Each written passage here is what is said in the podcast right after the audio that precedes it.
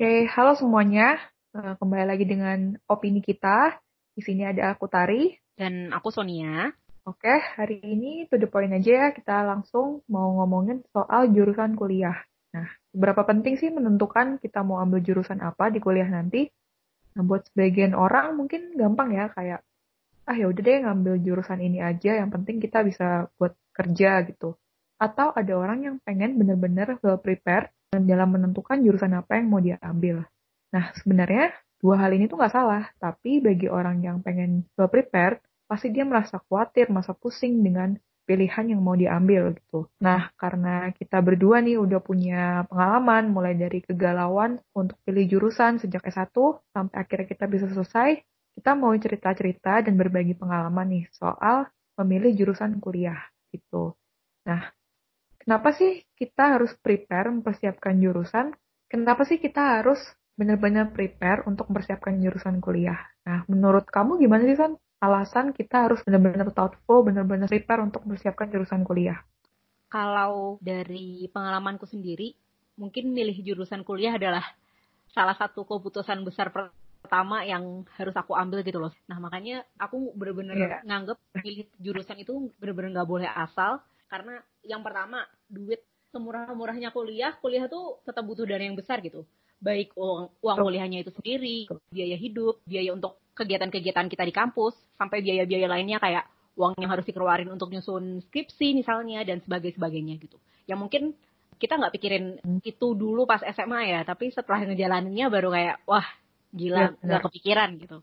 Apalagi seperti yang kita ketahui eh, kebanyakan anak kuliah tuh dengan biaya dari orang tua atau dari keluarga yang menanggung gitu. Beasiswa juga ada, tapi berapa persen sih yang beasiswa gitu. Dan beasiswa pun banyak yang nggak 100 persen uh, banyak juga yang wujudnya tuh kayak nominal yang dikasih per bulan gitu atau ngecover uang pangkal doang dan sebagainya. Itu kalau dari yeah. masalah uangnya, tapi kan masalah bukan cuma uang gitu dan mungkin banyak orang juga yang oh duit bukan masalah kok buat kita gitu. Tapi kita inget juga kalau hmm. kuliah tuh, misal kuliah sarjana rata-rata tiga setengah sampai empat tahun.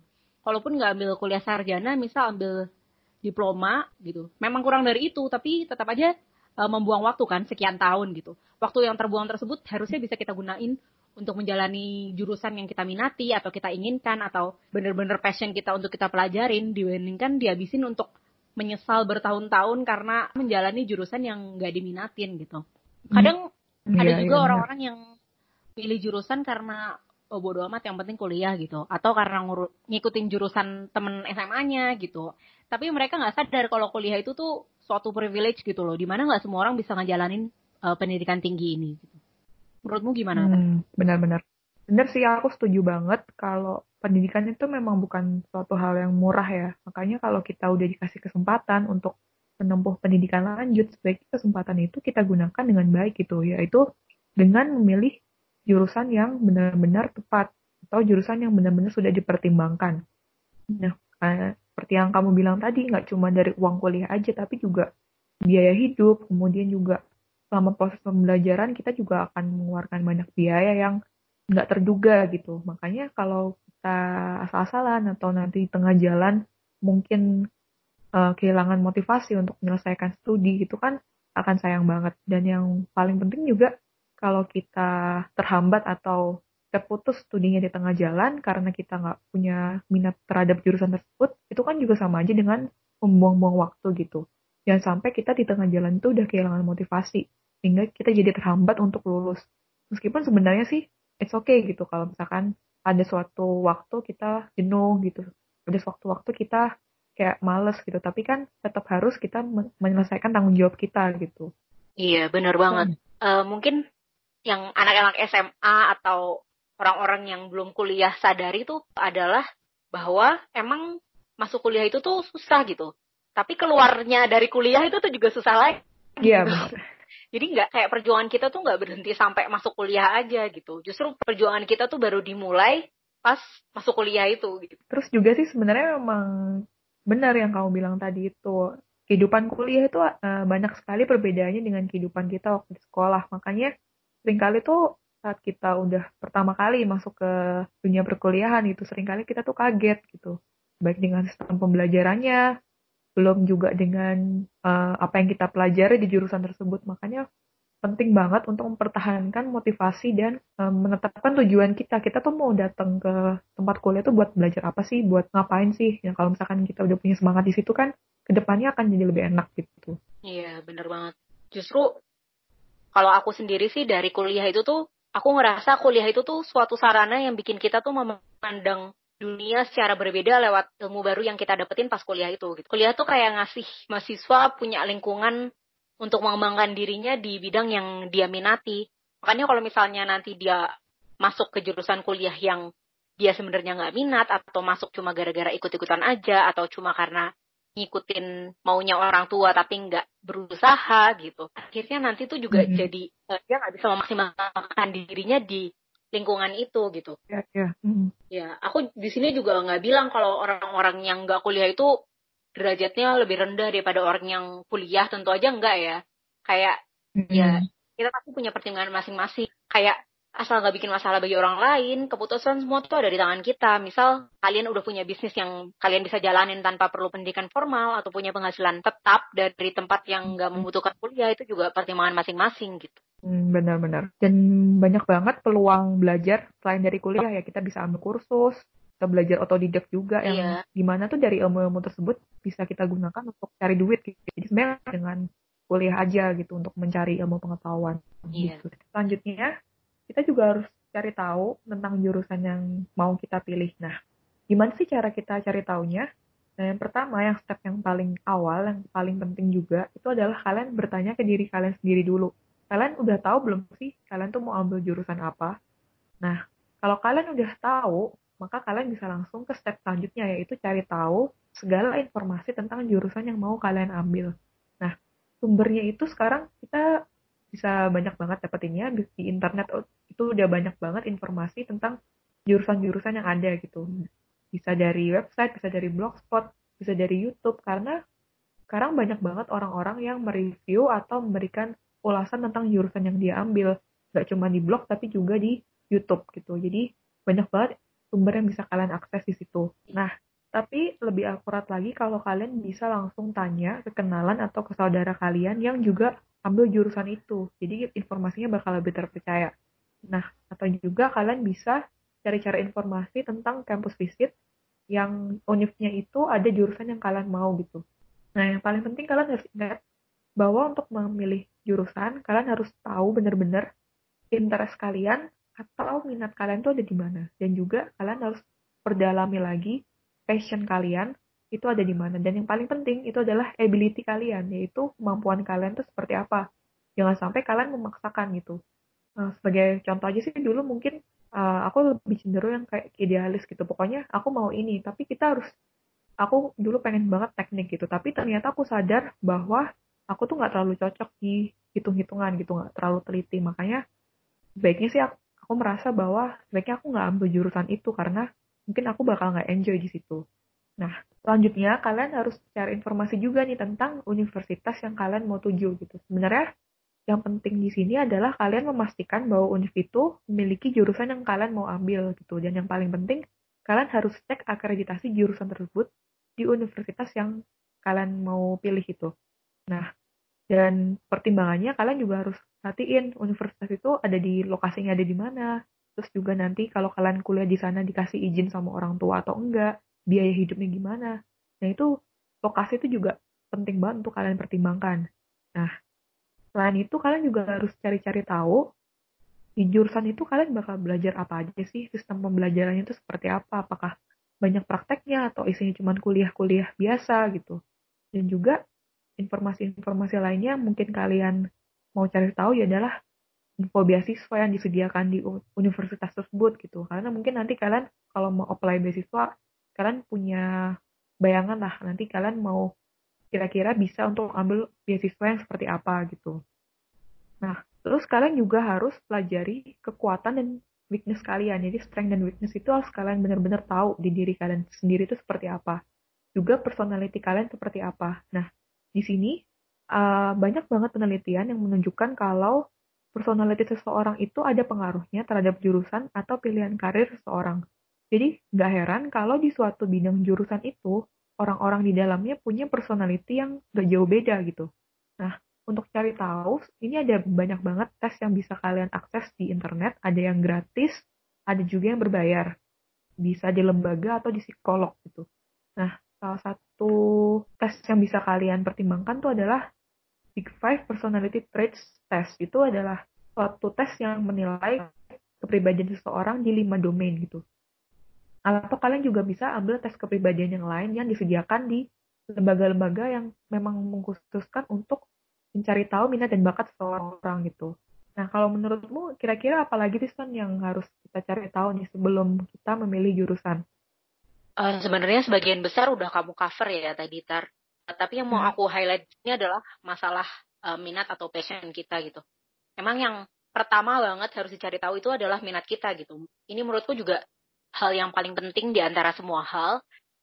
Uh, dan menurutku hal-hal lain yang sifatnya administratif, teknis, dan lain-lain itu penting juga. Tapi nomor satu tuh tetap minat kita.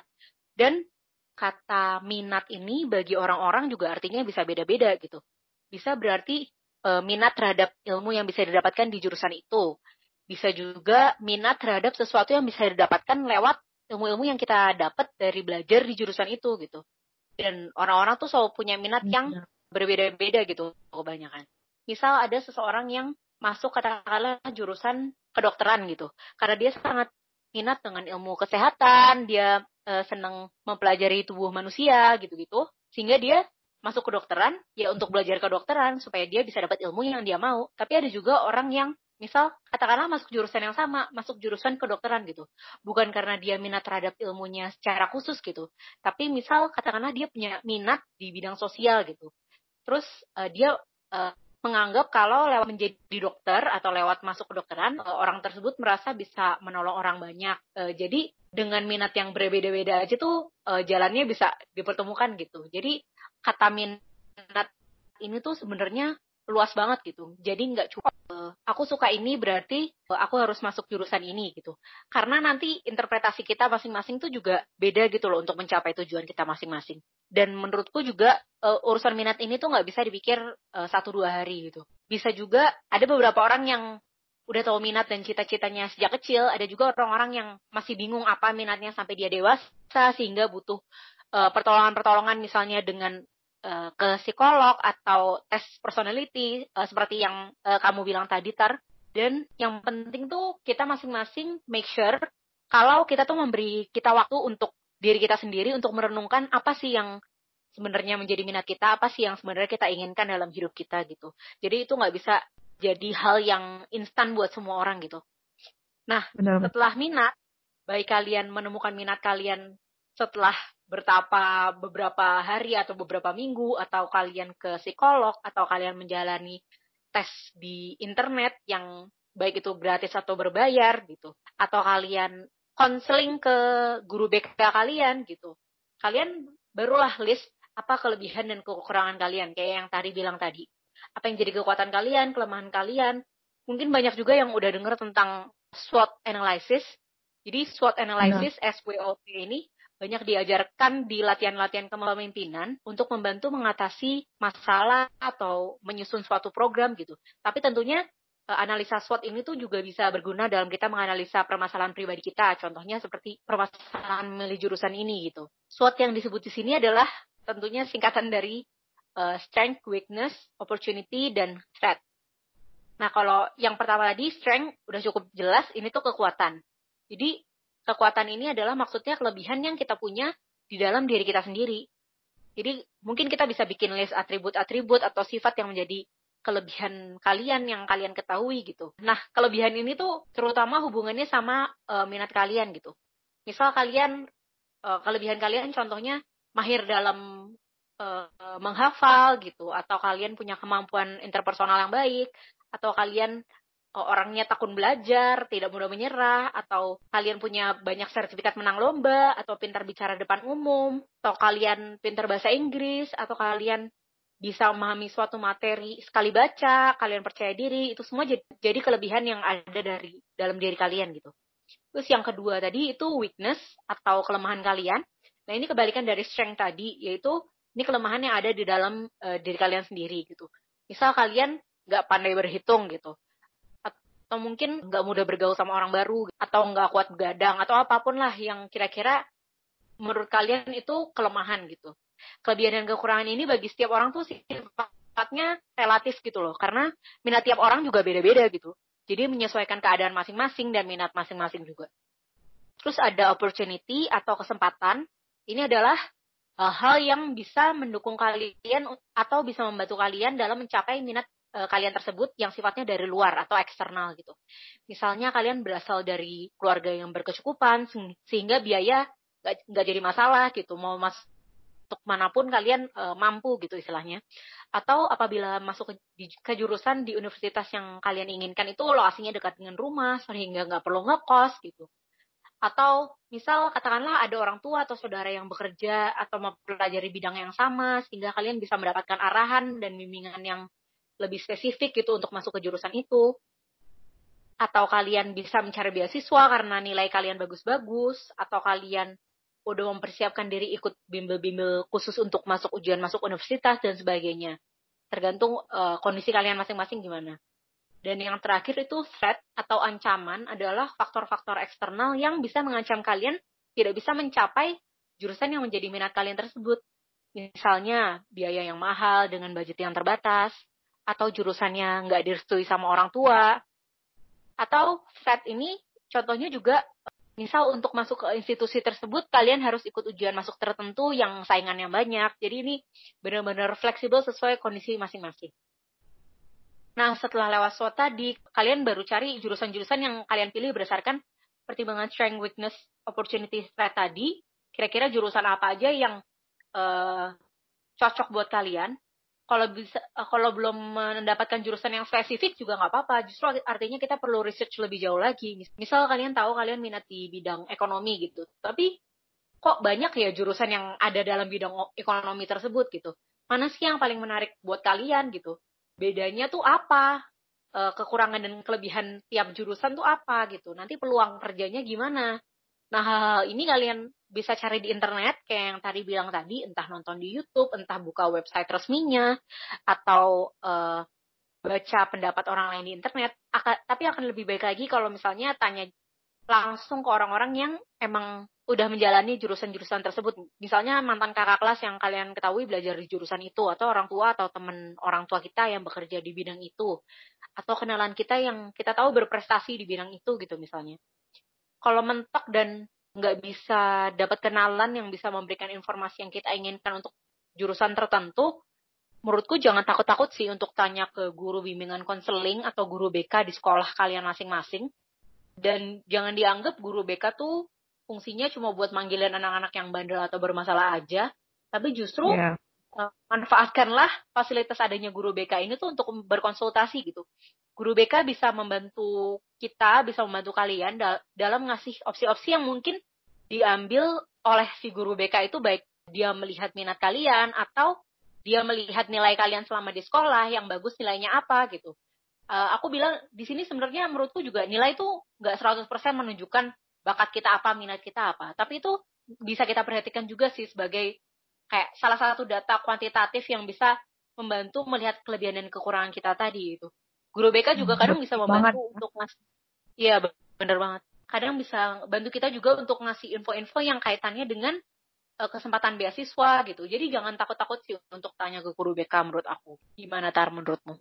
Nah, aku setuju banget sih. Jadi sebenarnya uh, yang kita perlukan itu adalah mengenali diri sendiri ya. Jadi apa yang kamu bilang tadi ada SWOT analisis itu kan sebenarnya suatu bentuk usaha kita buat kita cari tahu sih sebenarnya dalam diri kita tuh maunya apa kita apa yang kita punyai dan apa yang tidak kita punyai gitu. Jadi meskipun nantinya kita tidak berhasil memilih jurusan yang kita mau tapi keuntungan di sini adalah kita tuh tahu gitu finding yourself gitu. Jadi kayak semakin mengenali dan mempelajari kelebihan dan kekurangan ya karena itu sangat penting banget buat karir kita ke depannya gitu. Ya setuju banget sih tar sebenarnya. Dan setelah tahu diri kita sendiri kita baru tahu kira-kira minat kita apa, baru bisa menilai jurusan kita apa.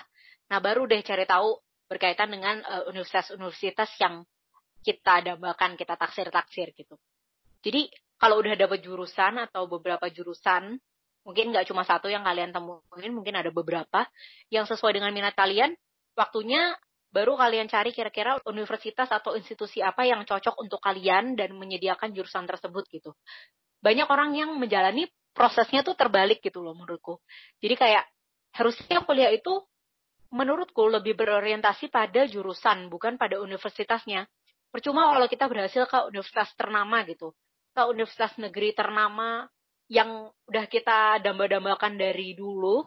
Iya, ya. Tapi ternyata jurusan yang kita masuki itu tuh nggak sesuai sama minat kita gitu. Jadi kebanggaannya mungkin ya bertahan selama beberapa bulan atau satu dua tahun gitu. Tapi habis itu ya. kalian menyesal karena kesempatan untuk mempelajari hal yang jadi minat kalian malah kalian buang atau kalian kesampingkan demi gengsi sesaat gitu. Menurutku Lebih sih, pengennya just alma maternya ya daripada pengen iya. jurusannya ya. Ya, Jadi boleh lah jangan memilih segala sesuatu tuh cuma buat menyombongkan diri atau buat bikin gengsi orang lain gitu loh. Karena kalau misalnya kalian melakukan sesuatu atau mengambil suatu keputusan cuma buat gengsi, akhirnya tuh keputusan kalian tuh jadi gak bermakna dan bahkan bisa merugikan diri kalian sendiri gitu loh.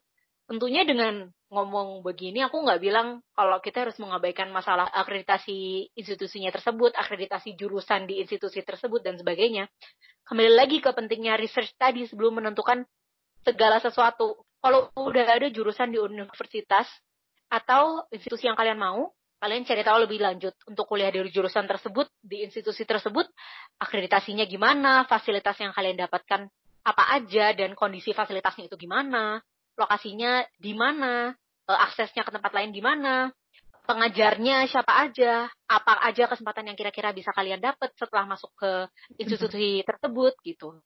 Program-program apa yang jadi unggulan di universitas itu yang menjadikan universitas itu unggul dibanding yang lain, jalur masuknya gimana, eh, persaingannya gimana, terus berapa persen yang diterima, terus apakah nilai kalian, atribut-atribut yang kalian punya, apakah memenuhi syarat untuk masuk ke situ gitu. Apakah ada program beasiswa gitu. Cari tahu uh, sedalam-dalamnya sih menurut aku dan sedetail-detailnya. Biasanya info-info kayak gini bisa sih kalian bisa uh, dapat langsung di website resmi institusi terkait, misal di website uh, universitasnya tersebut, tapi perlu diingat juga kalau website tersebut yang buat ya institusi tersebut gitu. Jadi pasti yang dimunculkan yang bagus-bagus aja.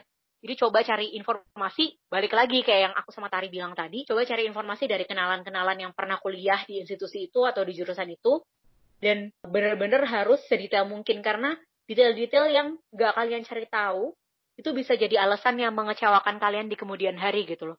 Pastikan gak ada deal breaker atau hal-hal yang benar-benar bikin kalian gak, gak bisa atau gak mau kuliah di situ. Itu sih. Harus cari informasi yang benar-benar jujur ya. Iya, benar.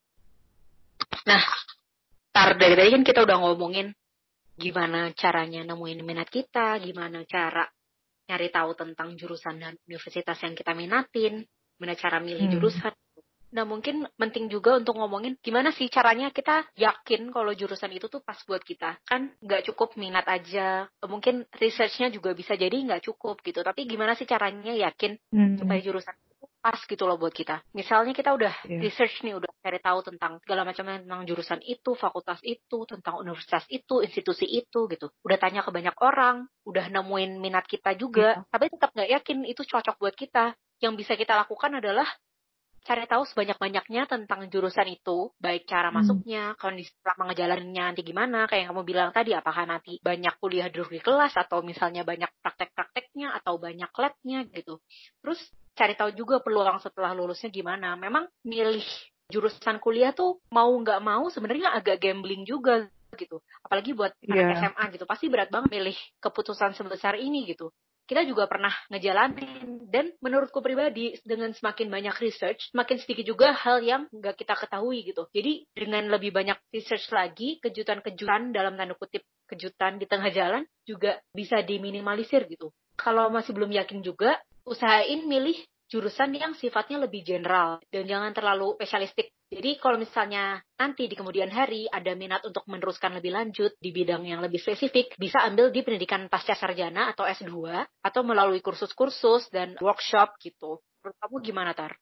Uh, bener banget sih. Jadi sebagai seorang anak SMA yang umurnya bahkan belum 20 tahun, memutuskan jurusan itu memang sulit. Ke depannya pun setelah kita masuk ke jurusan tersebut, bukan berarti minat kalian tuh bisa uh, tetap selalu seperti itu gitu. Bisa aja kalian bosan, terus juga berubah minat. Sangat mungkin untuk terjadi gitu. Sebenarnya yang paling penting adalah saat kalian menghadapi kebosanan, mulai jenuh atau mulai kehilangan motivasi. Dan di situ sebenarnya adalah kesempatan kalian untuk belajar beradaptasi gitu bahwa semua hal yang akan terjadi di depannya itu belum tentu sesuai dengan ekspektasi kita gitu. Karena bisa aja meskipun kita udah cari tahu banyak hal, udah tanya sana sini, udah cari informasi selengkap mungkin, tapi saat kita masuk ke dunia perkuliahan, masuk ke jurusan yang kalian mau, bisa jadi yang terjadi itu berbeda dengan apa yang kalian sudah cari tahu sebelumnya gitu. Jadi nggak menjamin gitu informasi-informasi yang telah kita cari itu akan sama persis dengan apa yang kita jalani gitu. Maka sebenarnya memang yang paling penting adalah kita udah belajar untuk bertanggung jawab gitu bahwa ya udah kita sekarang udah masuk nih di jurusan ini meskipun uh, andai kata minat kalian berubah atau mungkin motivasi kalian berubah yang penting kalian bertanggung jawab untuk menyelesaikan sampai selesai gitu jangan sampai putus tengah jalan jangan sampai merugikan banyak biaya membuang-buang waktu ke depannya memang jurusan itu tidak selalu menentukan pekerjaan yang akan kita ambil gitu. Jadi sering kali pekerjaan yang diambil setelah lulus itu berbeda atau nggak nyambung dengan jurusan yang kita ambil sebelumnya. Nah, yang paling penting sebenarnya nggak kita semua tahu ya bahwa di S1 itu nggak cuma mengandalkan atau mengutamakan pembelajaran ilmu pengetahuannya, tapi juga banyak banget ilmu-ilmu yang bisa kita dapat seperti berpikir kritis, kemudian juga berkomunikasi efektif, problem solving, dan juga menulis gitu. Karena kan kalian kan tahu bahwa di S1 ada tugas skripsi banyak tugas-tugas menulis. Di mana hal-hal tersebut sebenarnya itu penting banget untuk ke depannya kalian bekerja gitu. Kalian akan dilatih untuk mampu bekerja dalam tim work with people gitu. Jadi kalian harus bisa untuk siap di dunia kerja selanjutnya sebagai orang dewasa sebagaimana mestinya gitu. Nah mungkin itu sih yang harus kalian tahu bahwa kita tuh nggak melulu tentang ilmu pengetahuan. Yang penting ya bisa adaptasi aja dengan apa yang kalian sudah jalani gitu menurut aku juga aku berharap ada yang ngasih tahu aku dulu bahwa apa ya it's okay to take time before you decide gitu loh. Jadi karena ini keputusan yang cukup besar nggak bisa ditentuin dengan hanya sekali duduk gitu. Ada orang yeah. yang emang dari udah tahu dia mau jadi apa tapi ada juga yang kayak sampai kelas 12 harus cari universitas gitu juga tetap belum tahu dia tuh mau jadi apa mau masuk jurusan apa gitu dan yeah. ada juga teman-teman kita yang setelah SMA nggak langsung kuliah, tapi mereka ambil gap year untuk merencanakan masa depan mereka gitu loh, eh, untuk lebih pastinya. Nah, gap year ini tuh ada macam-macam alasan juga sih orang ambilnya. Jadi, ada yang ngambil gap year karena, oh, capek abis sekolah bertahun-tahun mau liburan dulu gitu. Ada juga yang emang gap year ini tuh digunakan untuk merencanakan hidupnya, memplanning hidupnya, mempersiapkan diri untuk kuliah tahun kemudian macam-macam sebenarnya. Dan itu kalau misalnya emang perlu banget dan orang tua kalian juga nggak bermasalah kalian ngambil gap year ini menurutku baik banget untuk diambil gitu loh. Daripada kalian gegabah terus masuk ke jurusan yang malah nggak bikin kalian bahagia gitu. Ya benar.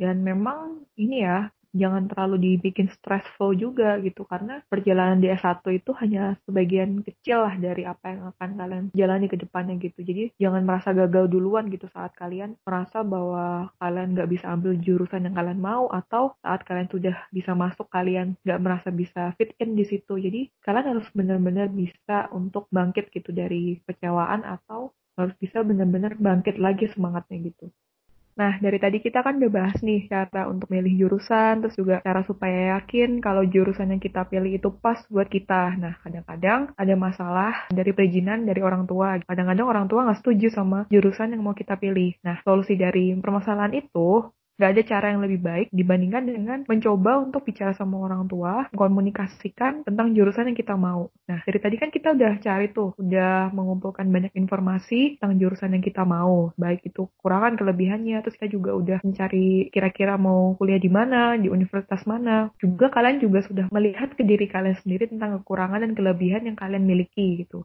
ada baiknya bahwa semua itu kalian bicarakan baik-baik dengan orang tua. Kalian bisa menjelaskan kenapa kalian pengen banget menjurusan itu karena itu sesuai dengan passion kalian atau itu sesuai dengan kelebihan yang kalian punya atau kalian juga bisa mengutarakan keberatan kalian untuk mengambil jurusan yang memang dipilihkan gitu bahwa mungkin kalian punya kekurangan di bidang yang terkait dengan jurusan yang direkomendasikan orang tua atau kalian punya pemikiran lain gitu yang tidak sejalan dengan keinginan orang tua. Nah, memang ada beberapa orang yang sudah berusaha untuk komunikasi ke orang tua tua tapi ternyata tidak berhasil gitu. Tapi di sini kalian juga tetap harus ingat bahwa pasti orang tua tuh juga punya alasan kenapa mereka merekomendasikan jurusan tersebut pada kita gitu. Mungkin karena mereka sudah banyak mendengar cerita, mendengar banyak pengalaman orang yang mengambil jurusan tersebut dan memang menjanjikan dan pasti mereka punya reasoning sendiri gitu yang kita juga harus bisa pertimbangkan. Jadi kita juga harus terbuka dengan pemikiran orang tua gitu. Nah, the end juga benarnya kalau kita mengikuti keinginan orang tua pun itu bukan berarti hal yang buruk juga gitu. Karena banyak yang berhasil dengan jurusan yang memang dipilihkan sama orang tua gitu. Asal kita juga bisa menerima. Kalau kamu gimana Son? Kamu ada pengalaman atau mungkin ada solusi tentang masalah ini gitu sebenarnya kurang lebih sejalan ya Tar sama pendapatmu. Makanya di sini aku mungkin mau nekenin lagi mengenai pentingnya research. Dengan research yang udah kita lakuin, kita bisa memaparkan ke orang tua kita berbagai temuan kita tersebut ke orang tua tentang universitas yang kita mau atau jurusan yang kita mau atau peluang kerja setelah lulus dari jurusan itu. Dan benar jangan lupa diutarakan kenapa kalian ingin masuk jurusan itu di institusi itu. Kalian juga harus tunjukin ke orang tua kalian kalau kalian tahu jalur yang harus ditempuh gimana untuk di diterima di universitas itu. Kalau nggak diterima kalian punya cadangan apa. Dan poin yang penting selain research tadi menurutku adalah penting untuk ngajak orang tua diskusinya dari jauh-jauh hari atau sedini mungkin lah yang kalian bisa untuk ngasih kesempatan buat diri kalian sendiri maupun orang tua untuk sama-sama punya kepala dingin dalam menentukan keputusan yang lumayan penting ini gitu loh. Kalau diskusi dengan orang tua mepet-mepet dengan tanggal penutupan pendaftaran atau mepet dengan waktu bayar malah bisa bikin masalah yang mungkin seharusnya nggak harus ada gitu loh. Diskusi dengan orang tua dari jauh-jauh hari juga bisa membantu kalau misalnya kalian butuh cari tahu ulang tentang jurusan tersebut atau universitas tersebut yang kalian inginkan pada saat orang tua kalian nggak setuju. Bahkan bisa ngajak orang tua untuk bantu research, kalian bisa research bareng sama orang tua kalian. Karena mungkin orang tua mengarahkan anaknya pun punya alasan sendiri-sendiri gitu loh. Pasti orang tua juga pengen anaknya sukses gitu.